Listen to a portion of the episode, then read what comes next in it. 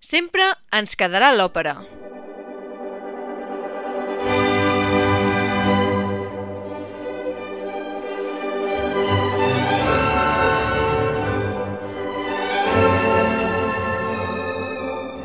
La referència operística d'UAB Ràdio.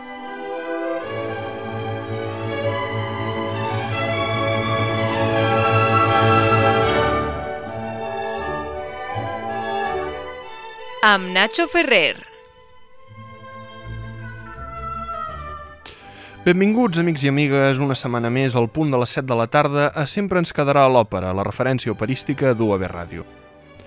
Fa 15 dies, la Maria José Anglès, musicòloga i divulgadora musical, va tenir l'amabilitat de concedir una entrevista a aquest programa. Una sèrie de coincidències i d'esdeveniments han portat a que aquesta setmana puguem tornar a dir que tenim un convidat al qual fa molt temps que perseguim i que volíem entrevistar. Quan pensem en el panorama líric mundial actual, tothom podria identificar diversos divos i dives que brillen en el firmament operístic. Si aturéssim un aficionat a la sortida del Liceu, segur que ens sabria dir quins són els quatre millors cantants de l'actualitat, sempre des del seu punt de vista, òbviament, per gustos i els colors. Però potser el que no ens podria dir són els noms de cantants d'aquí que s'estan formant per arribar, si tot va com ha d'anar, a ocupar els llocs dels grans cantants.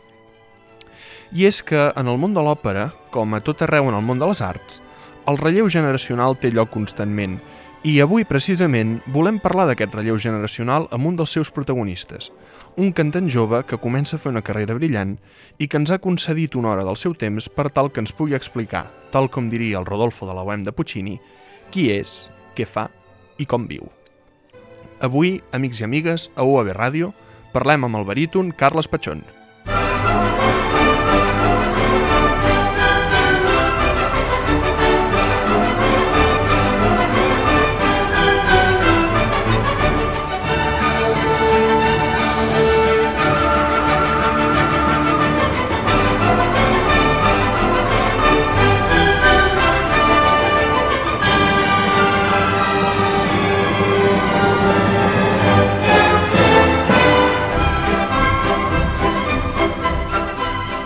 Nascut a Navàs, a la comarca dels Bages, del Bages i format inicialment a l'Escola Municipal de Música de Navàs, mestre Josep Maria Castella, Carles Patxón és, un dels grans, una de les grans promeses del panorama líric que ja fa uns anys que despunta.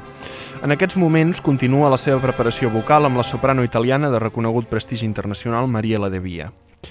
A més a més, ha estat premiat en diversos concursos de renom internacional, com el Concurs Internacional de Cant Tenor Vinyes, l'any 2017, a la ciutat de Barcelona, el Concurso Internacional de Canto Alfredo Kraus, l'any 2018, a les Palmes de Gran Canària, el Concurso Internacional de Canto Francisco Araiza, de l'any 2017, a Mèxic, i també d'altres de prestigi local aquí a Catalunya, com el Concurs Internacional de Música de les Corts, de l'any 2016, i el Concurs Germans Pla de Balaguer, l'any 2016 també o el concurs Mirna la Cambra de Sabadell l'any 2015 i el 2016. La seva veu tampoc no ha passat desapercebuda per la premsa especialitzada i la crítica, fet que li ha volgut l'obtenció del reconeixement de la revista Òpera Actual com a jove promesa l'any 2018.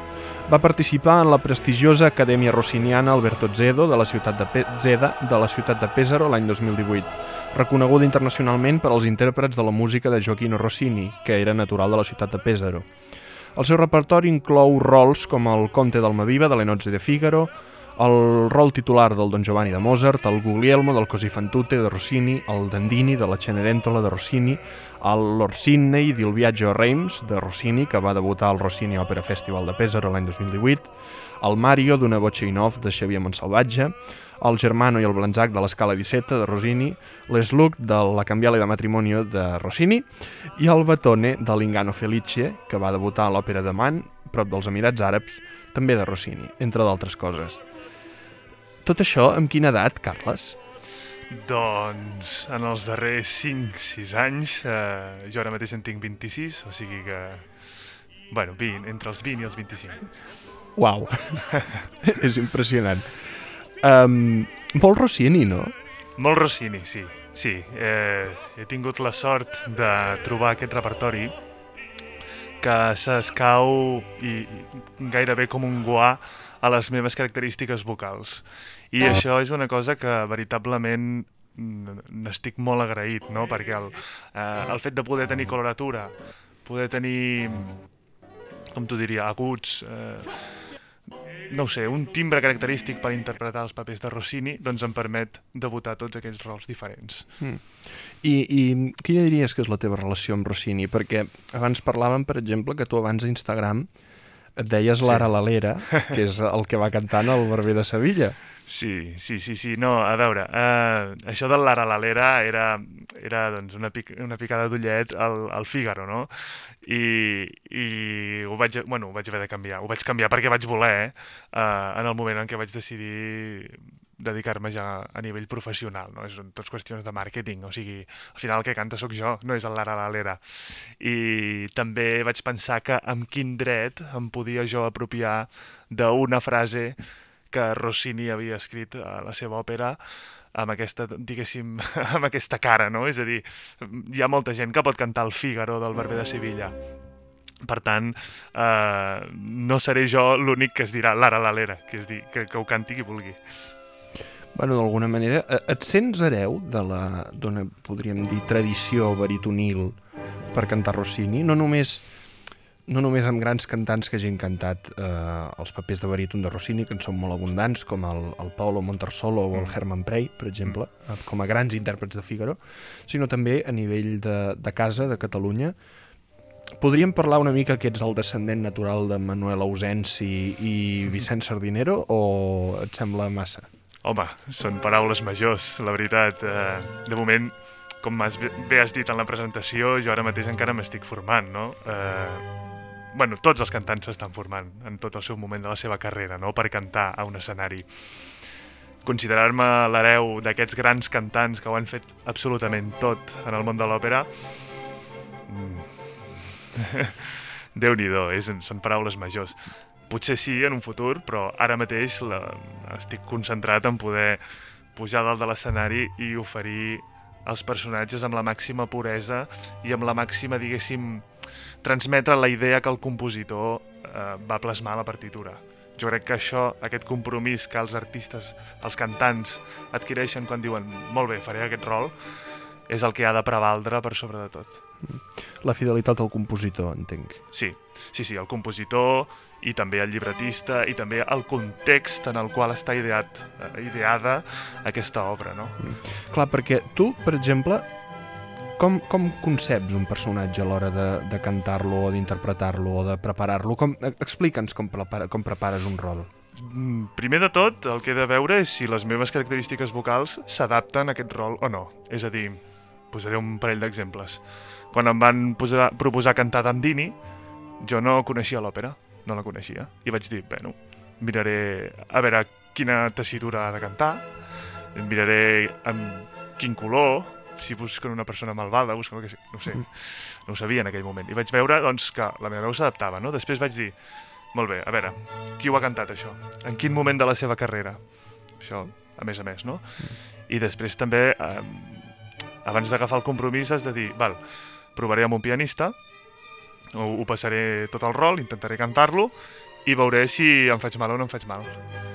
Perquè a nivell vocal és el més important. Tu, tu mateix saps si aquest rol és adequat o no per tu. A vegades necessites ajuda, però al final te n'adones tu. Clar, perquè això que deies de, de l'edat, per exemple, Sí, podríem dir que hi ha rols que són... Que, clar, tu ets baríton. sí, Aleshores, és obvi que tu com a baríton tens unes notes, Sí. un- una tessitura, un, un, un, un, rang, un rang de notes vocal que Mm. tu pots fer diversos papers.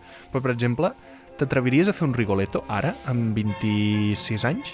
A veure, no. Escenificat, no. O sigui, jo he cantat les àrees del Rigoletto, les he cantat i vaig cometre l'error de cantar-les en concert. Tots les hem cantades a la dutxa. Sí, no, a la dutxa, fantàstic. Però jo vaig cometre l'error de cantar-les en concert quan encara no estava preparat per cantar el Rigoletto. I em va servir també d'aprenentatge, de, de dir, molt bé, això és una música que potser en un futur, un rol que en un futur potser podràs cantar, però ara pel teu bé, per la teva salut vocal, pel teu bon desenvolupament com a músic, com a artista, és millor deixar-ho aparcat i en un futur reprendre-ho si és que les qualitats vocals són idònies per fer-ho. Mm, fem una cosa, et sentim en, vocals, en condicions vocals idònies? Vinga, va. Uh, us pro- et proposem que et... Tens un- una pregunta abans de, abans de res. hi ha molts cantants que diuen que no els agrada sentir-se ells mateixos. Sí. Ets d'aquesta gent? No. O sigui, t'escoltes? M'agrada, m'agrada escoltar-me, sí. Sí, I, sí. i, ets de, I intentes buscar errors o... o... Sí, també.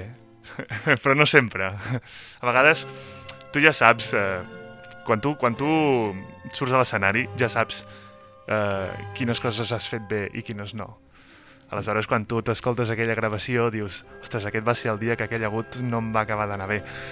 Però mira totes les altres coses que sí que vaig aconseguir fer, no? Sí. Jo crec que m'agrada més quedar-me amb aquesta part.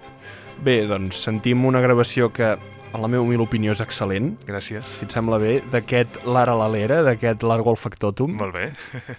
per, per, per explicar una mica qui ets, que és una mica també la teva carta de presentació, no? Correcte. És, sentim la gravació del concurs final del, del Vinyes, del, del concert final de guanyadors, Molt bé. aquell gener de 2017 al Liceu. Aquell dia estava molt cansat, eh? Bueno, Ara us jo diria que hi ha una anècdota, si no recordo malament, d'aquell concert, però explica'ns-la després, si et Molt sembla bé, bé. molt bé.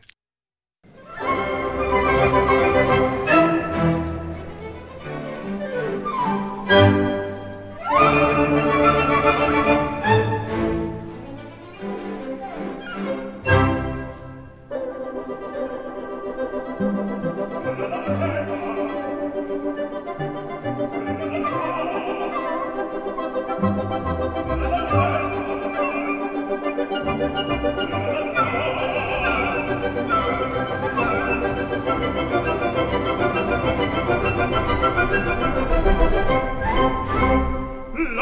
col faccotum della città largo.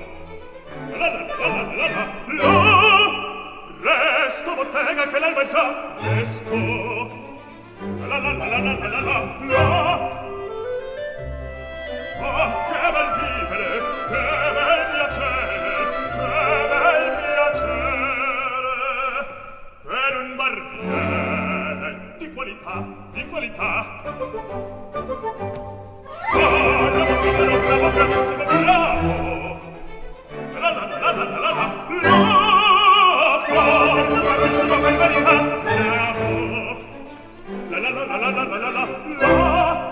Fortunatissimo per verità, e fortunatissimo per verità. La la la la la la la la la la la la la la la la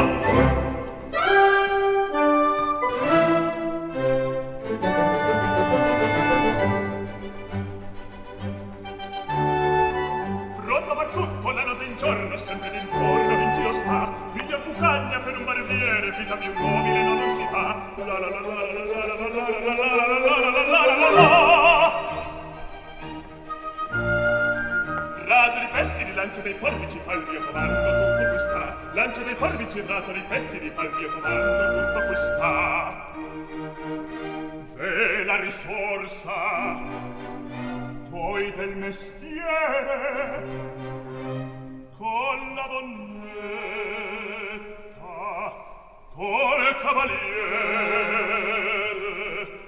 con la donnetta tra la la la la nera col cavaliere tra la la la la la la la la la la la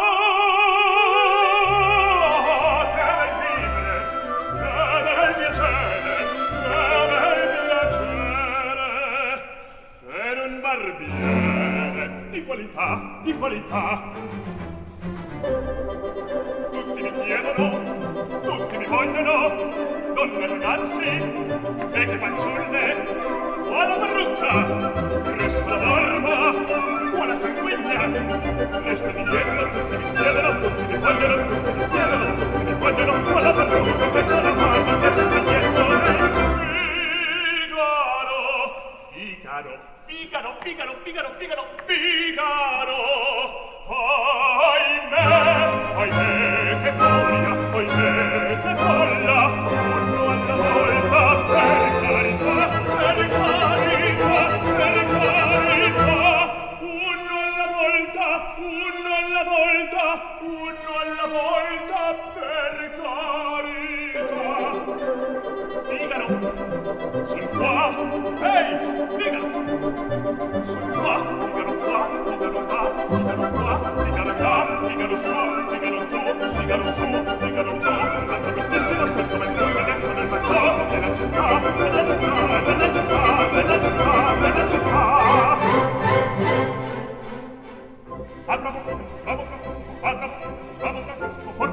fortunatissimo, fortunatissimo per verità. La la la la la la la la la la la la la la la la la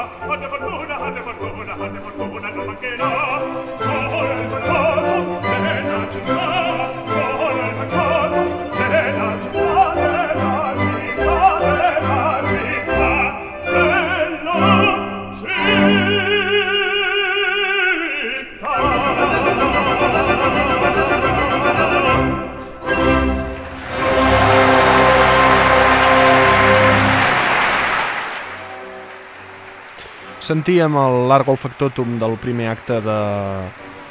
de Il Barbieri di Sivilla de Joaquino Rossini amb Carles Patxón, que ens explicava a micro tancat eh, especificacions tècniques d'aquesta peça i, Sí. i que diu que ara la cantaria molt diferent.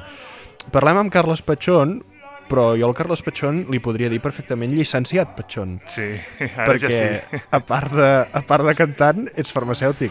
Sí, sí, ara ja fa un mes i mig, més o menys, que vaig presentar el meu treball de final de grau i, i ja està, ja em vaig graduar i tot, tot molt bé, molt bé. I, bueno, de fet, quan estàvem fent el concurs Vinyes, eh, l'any 2017, va ser com el punt d'inflexió que em va fer veure de dir tu t'has de dedicar a cantar. Però és que en aquella època, no sé si ho sabeu, però el concurs Vinyes se celebra al gener. I al gener, doncs tots els estudiants de la UB doncs, I, de, I de les i de les, universitats uni en de general. les universitats doncs, eh, estan en el seu període de màxim esplendor, no? O sigui, és- l'època d'avaluació, els el, final, exàmens. és el final de semestre, exacte. I, i aquest, eh, aquest concert era el concert de guanyadors, que era el diumenge, no? I jo el dilluns me'n recordo que tenia un examen el dia següent. Toma. I que, si m'ho permets, I no te'l- no te'l vaig van- aprovar. Ah, home, això està molt bé. Però no te'l van voler canviar? No, perquè el fet... Bueno, a veure, no és que no van voler, tampoc ho vaig demanar, perquè com que érem en dies diferents... Perquè el professor no era, no era aficionat, sinó segur que... Bueno, no ho sé, no ho sé, no, jo... no era malhomen. Com que a vegades en una universitat tan gran no tens un tracte personal, Clar. doncs el que fas és simplement dir, bueno, com que no és el mateix dia, no coincideix amb horaris, jo m'organitzo, estudio a les meves hores lliures... Vas, vas, presento. vas dormir? Sí, sí, sí. Ah. sí. Sí, sí, Però has bueno. arribat a estudiar al, al, al, al backstage del Liceu. Sí, sí, sí, sí, sí, evidentment, sí, sí, sí. Perquè és que si no, no hi ha manera. Tant coses de música com coses de farmàcia. I de, de, què era, de què era l'examen, si no és molt... Eh, ara m'agafes aquí, no sé, no sé exactament de què era. Jo sé que aqu aquell semestre sé que ho vaig aprovar tot. Perquè tenia la meva mare allà que em deia escolta, has de provar-ho tot, eh, tu pots anar cantant tot el que vulguis, però prova-ho tot, eh? Déu-n'hi-do, o sigui, quart, quart premi al concurs Vinyes. Tercer, tercer. tercer. Tercer, tercer, tercer, és veritat. Tercer premi al concurs Vinyes. A part d'això, 25.000... Premi del públic, també. Sí, del públic. De, la, de si no recordo Que, que jo crec que aquest és el més valuós, eh, al cap i a la fi, perquè el públic és sobirà, eh? Vull dir, tu ja pots cantar millor o pitjor tècnicament, que el que has de fer és transmetre una idea. Mm. I, que, I el públic decideix si l'agafa o no. I per mi el Premi del Públic té un valor, diguéssim, que destaca per sobre de tots els altres. Clar, realment hi ha cantants que no et dirien el mateix, eh? Que hi ha cantants que volen manar més que el públic, però... Clar, tu què en penses d'això? O sigui, si jo pago una entrada i no m'agrada com cantes, tinc dret a pitar-te o, prefere o prefereixes que no, la gent no ho faci? Evidentment, el públic és sobirà. O sigui, el públic decideix què és el que li agrada i el que no. O sigui, a vegades també en una producció es busca que al públic no li agradi. Això també és, és important de veure.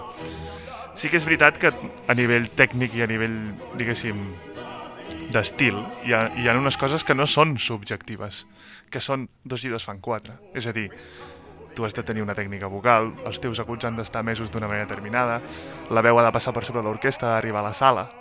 Mm. Això és innegable. Després, com actues, com dius el text, això ja és una cosa que és personal. Mm. I et pot agradar més o et pot agradar menys. Per això ens agraden més uns cantants o uns altres. Segur que si féssim una llista, els teus cantants preferits serien diferents dels meus. Per què? Perquè tenim gustos diferents. Clar. Com ha de ser? Clar, clar. I com portes l'alemany, Carles? Fatal. Sí? Molt malament, molt malament. Mira que se'm donen bé, eh? Eh, les llengües, aprendre els idiomes diferents i tot, però, ostres, eh, l'alemany... Li preguntàvem això al Carles Patxón perquè ara volem que ens expliqui que l'any que ve doncs, no serà entre nosaltres, a Barcelona, Exacte. sinó que se'n va a Berlín, a l'Òpera Studio del, de la Berliner Staatsoper. La de, la de... Quina de les tres cases d'òpera de Berlín és? La, la Unter den Linden, la que és, la, diguéssim, la que, La la, que, la de repertori, la, La, Staatsoper, la nacional. La Sí. nacional. És la que el director és el Daniel Barenboim, el director musical? Sí. I treballaràs amb, amb Daniel Barenboim o no ho saps? Um, crec que sí, crec que sí que farem treballs amb ell, tot i que no, no tinc cap producció d'òpera amb ell, que, sí que ell sigui el director, crec que ell fa algunes masterclass als alumnes de l'Òpera Studio, sobretot crec que tenim, tenim programat treballar els recitatius del Così fan tutte amb ell. Mm. Així que ja és un gran què. Clar, perquè, perquè la, gent, la gent que no sàpiga que és un òpera estudio, explica'ns exactament en què, Sí. en què, què, què vas a fer a Berlín. A veure, um, per entendre'ns ras i curt, és com un màster, un màster, no? O sigui, acabes la carrera i te'n vas i fas un màster. Doncs el mateix, però a nivell d'òpera. Clar, per ser un bon intèrpret d'òpera, què necessites? Doncs necessites classes de cant, aprendre idiomes, eh, diguéssim, classes de repertori amb un pianista repertorista, que vingui un director i et faci exigències, i a més a més, a part de tot aquest treball, diguéssim que seria d'aula, per entendre'ns, tens la possibilitat de participar en les produccions del teatre. I, I fas papers petits, a vegades fas papers molt, molt, molt, molt petits i a vegades fas papers amb suficient entitat. Per posar un exemple, la primera producció que faig amb ells és La Bohème, i faig el paper de Schonard, Que déu-n'hi-do. que déu-n'hi-do, que déu nhi Però després, per exemple, faig una Ariadne auf Naxos, on em faig a Ein Perruquen Maja, Que, de fet, ni surts al cartell. que ni surto al cartell, També exacte. passa una cosa semblant amb la Fanxula de l'Oest, si no m'equivoco. Quin Bueno. paper... Quin... A la Fanxula del West és que, a més a més, és una òpera que hi ha no sé quants milers de personatges. Sí, sigui, n'hi ha 25.000, sí, sí, no. Sí, faig, faig el paper de Sid, que si no tinc mal entès és un senyor que fa de crupier de cartes. És un... Ah, sí. Sí, És un... Eh... que l'estomaquen i tal. Sí, el primer acte és un que fa trampes al Que pòquer. fa trampes, ara, Sí, ara. sí, però per exemple cantaràs amb el Michael Fole, que fa el Jack Rans, Exacte. que és un, gran, és un dels grans barítons. Sí. Bueno, potser ara... No, no, no. És, amb allò és dels gustos grans potser ara ens picarem, però... Però, però és que això és una cosa objectiva, que dèiem abans. És un gran cantant i, i tindré l'oportunitat de no, no només cantar amb ell, sinó també veure'l fer grans papers, com podria ser, per exemple, un Don Giovanni. Déu-n'hi-do. És a dir, que, Clar, en paper que tu també has cantat. que també he cantat i que, clar, des d'aquesta perspectiva, el fet de saber-te el rol, pots dir, ostres, mira com ho fa. Mira aquí, aquesta part que és extremadament difícil, com ho soluciona. Mm. I això és molt important, és una gran, és una gran eh, classe, un gran aprenentatge, un gran aprenentatge, no? Clar, i també m'imagino que està corrent per un teatre d'òpera durant, una, durant una temporada sencera. Sí. O sigui, d'alguna manera, si, eh, per exemple, aquestes funcions de Don Giovanni, si el Fole fallés pel que, pel que fos i saben que tu tens el Don Giovanni en repertori, Sí, ja, ja. ara, ara no li farem bodó al Michael Fole, no? No. Però... No, però, sincerament, esperem que això no passi. Perquè entrar de cop a una producció tan gran i amb un rol amb tanta entitat i que requereix una maduresa interpretativa tan gran com el Don Giovanni és una cosa molt complicada. Clar, ja m'imagino. Clar, és aquella preparació psicològica que dèiem. Ara. Sí, sí, sí.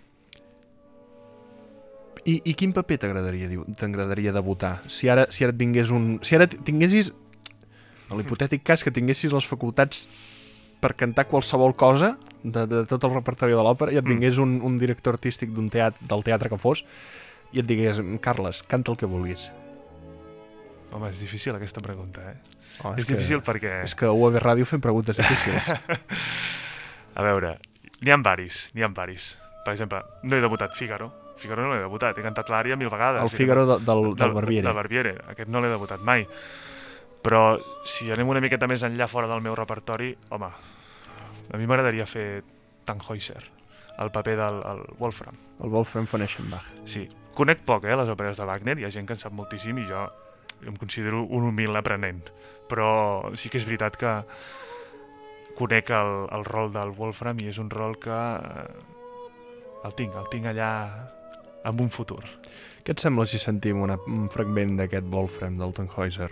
Em sembla fantàstic. Sentim, sentim, si et sembla bé, el- l'àrea de la, el que es coneix popularment com a cançó o àrea de l'estrella, el O du mein Holder Nabenstern, del tercer acte, en un moment en què doncs, Wolfram prega a, a Venus, el planeta, que apareix enmig de la nit per Elisabeth, que és l'enamorada del, del Heinrich Tannhäuser, que s'han anat a Roma a expiar els pecats, i que s'està morint, pràcticament està agonitzant amb ella al camí enmig del bosc i aleshores enmig de la nit doncs es troba, es troba aquesta estrella.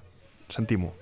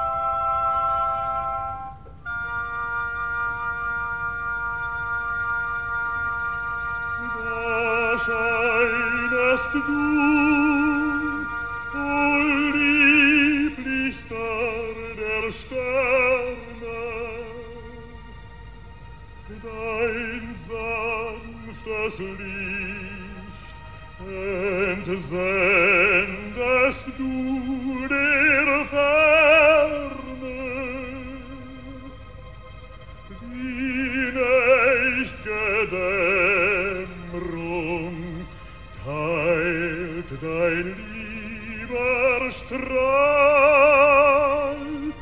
und Freund.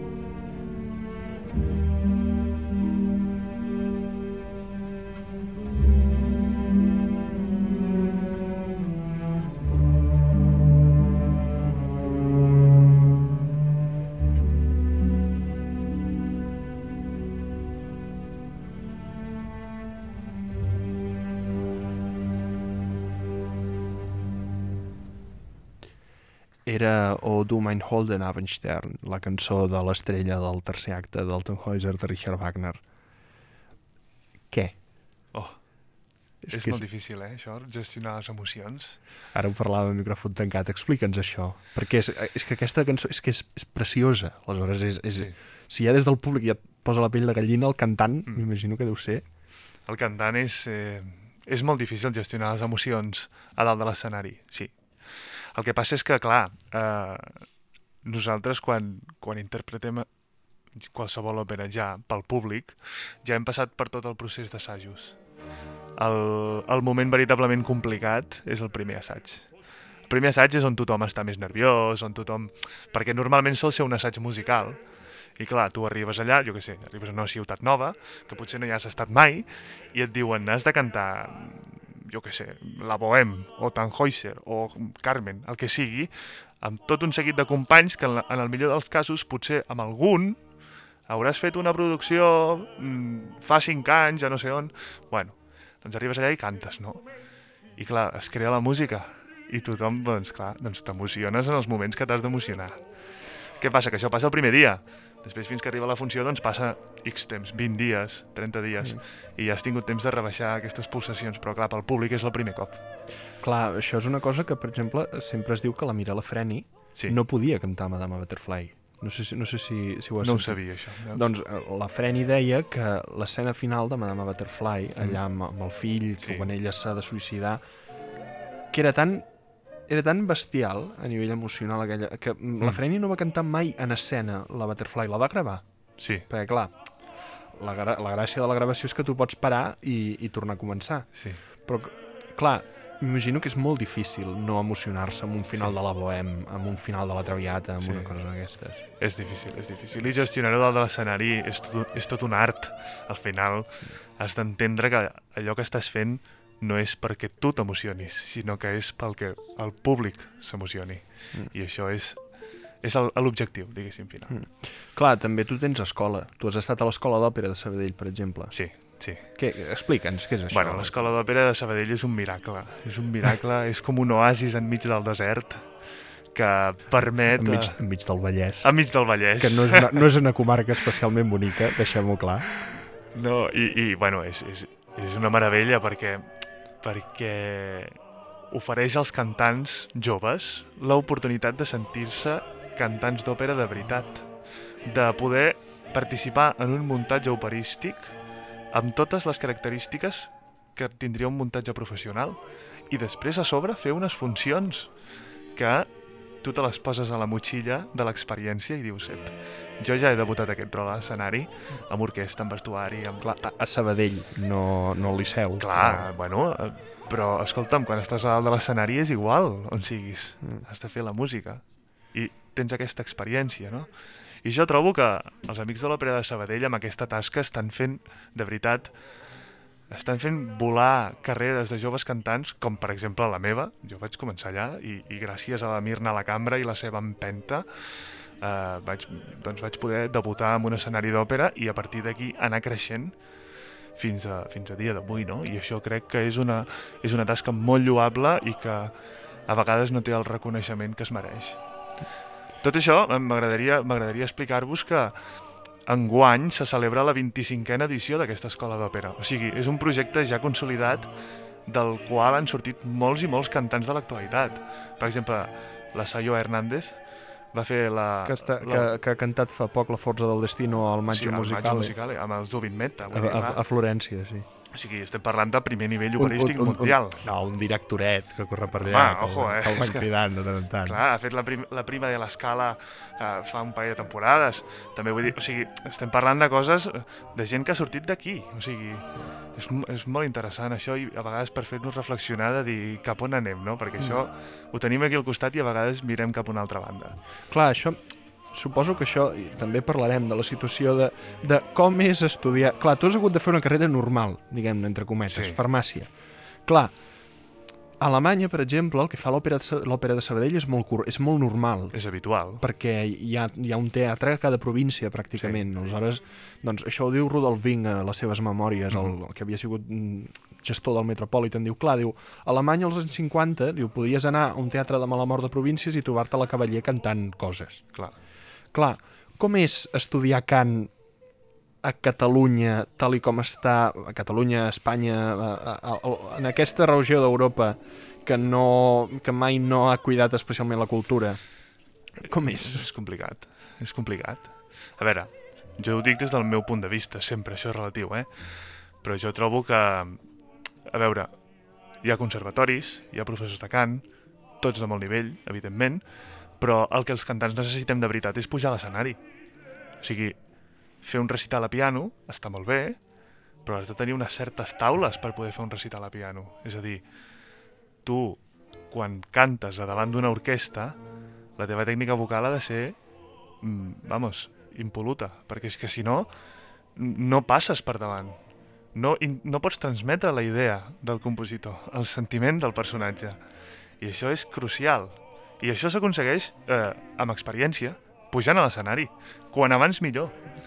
I això és el que falta.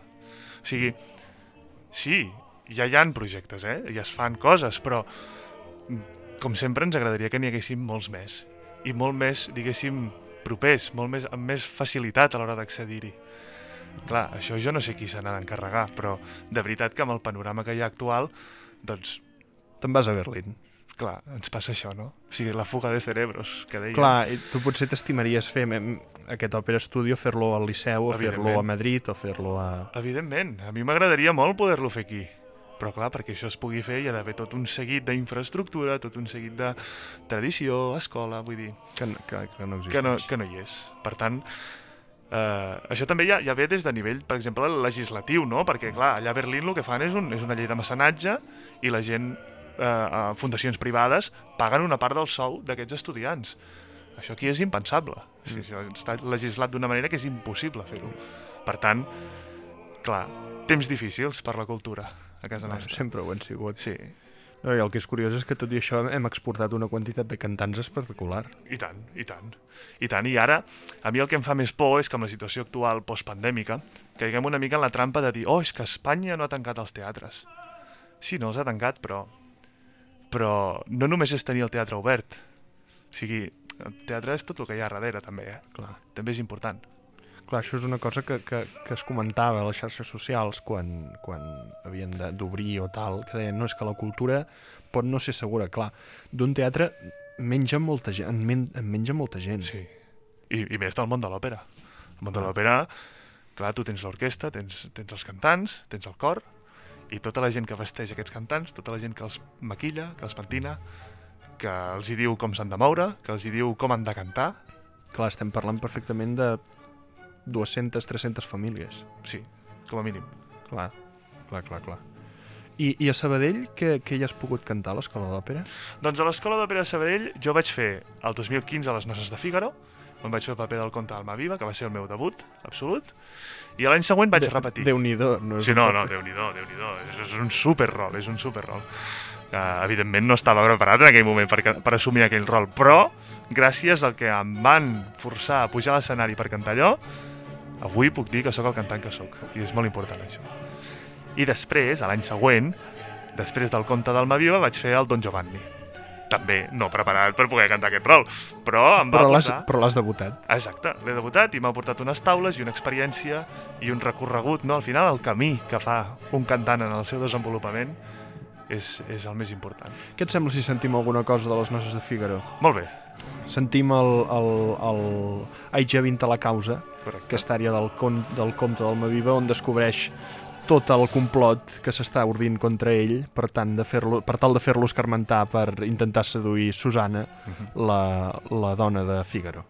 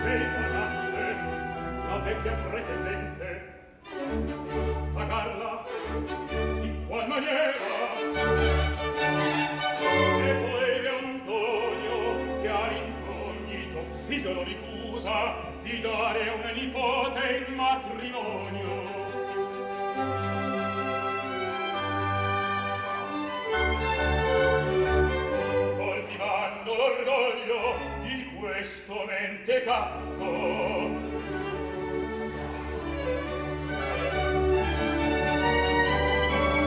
Tutto giova un raggio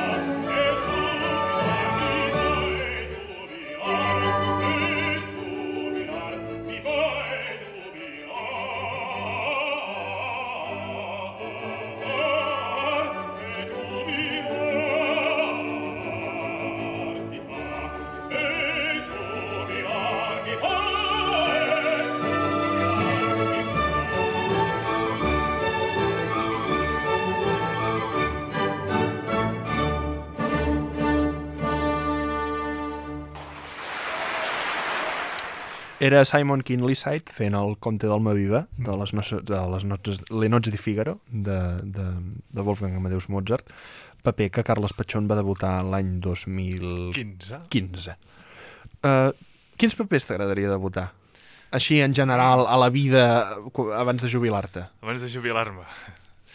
A veure, per suposat Figaro, ja ho he dit abans, crec, perquè és un, és un rol que tothom m'associa a mi, però jo mai l'he debutat, sempre he cantat l'ària al Largo al Factotum, però mai he cantat el rol sencer i m'agradaria molt fer-lo.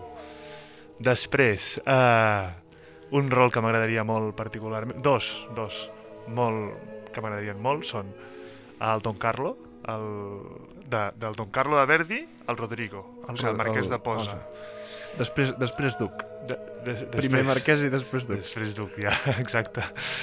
I, i l'altre que també m'agradaria molt és el, el, els puritans de Bellini, el, el Riccardo, el, que ha El- perdut el, el, a la per sempre jo t'hi perdei, el La- seu amor l'Elvira. L'argument di Puritani és com l'argument dit del, del Trovatore. Eh, és, sí. és, és, és un món.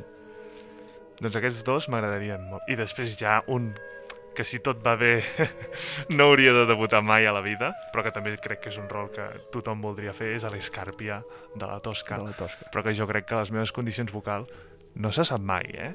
Però jo crec que si La- tot va bé no l'hauria de cantar. La Joan Sutherland Sí. és una gran Turandot. I no ho diries mai.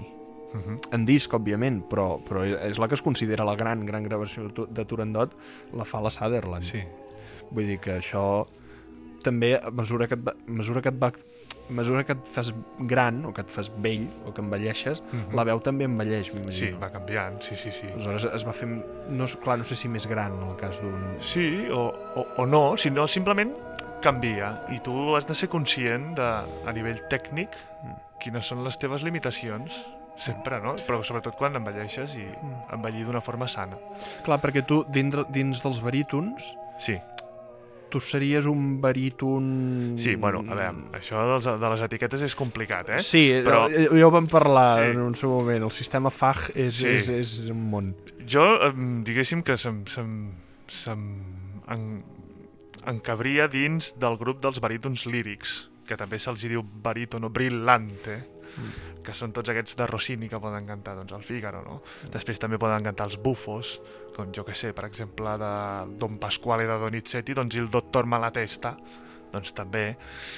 Però llavors ja ve ara diguéssim que eh, properament hauré de debutar un rol que no seria de barítono, diguéssim, brillante, sinó No, que seria és- més, És més gros. més dramàtic, amb un cos vocal molt més important, com seria l'Enrico de la Lucia di Lammermoor. Clar, perquè eh, quan el Liceu va haver de suspendre les funcions de la Traviata, va anunciar que el mes de juliol, en, com que no va poder fer una sessió Under 35 com voldria, perquè la van haver de limitar a 500 persones, la de la Sí. Traviata, aquelles funcions especials per menors de, de 35, el, el Liceu va anunciar que el mes de juliol, quan comencin les funcions de Lucia de Lammermoor, faria una, una funció especial, Under 35, però en lloc de fer el que ha fet sempre, que era agafar a un dels repartiments de l'òpera i fer que fessin una funció especial, va anunciar que aquesta funció, els tres papers protagonistes, si no Sí. m'equivoco, corregeix-me si no, Correcte.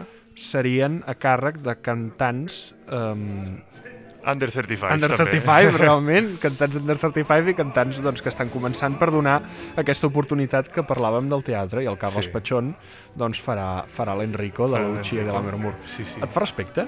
Molt, molt de respecte perquè, evidentment, significa un, un diguéssim, passar la pota per sota la porta del que serà la meva veu en un futur. I, clar, evidentment, sempre hi ha el respecte aquest de dir i si, i si és massa d'hora? I si... I si... Bueno, com, com la Mariela Devi em va dir quan li vaig, quan li vaig dir, escolta, m'han proposat això. I em va dir, bueno, no sembla un, un entorn estressante, sembla una cosa que podràs gestionar i veurem, veurem, esperem que funcioni i que a partir d'aquí diguéssim, hosti, quin baríton hem trobat jo també dins dels colors de la meva veu, però ja veurem, ja veurem. Doncs, si et sembla bé, sentim el Ludovic Tessier cantant l'àrea del primer acte Oh. de Lucia de l'Amermur, el cru de Funest Tasmània i Fantàstic. la cabaleta de, des- després, la pitada in suo favore, Fantàstic. per fer-li una mica de spoiler del que haurà de fer aquest home d'aquí no gaire al Liceu. Exacte. Pura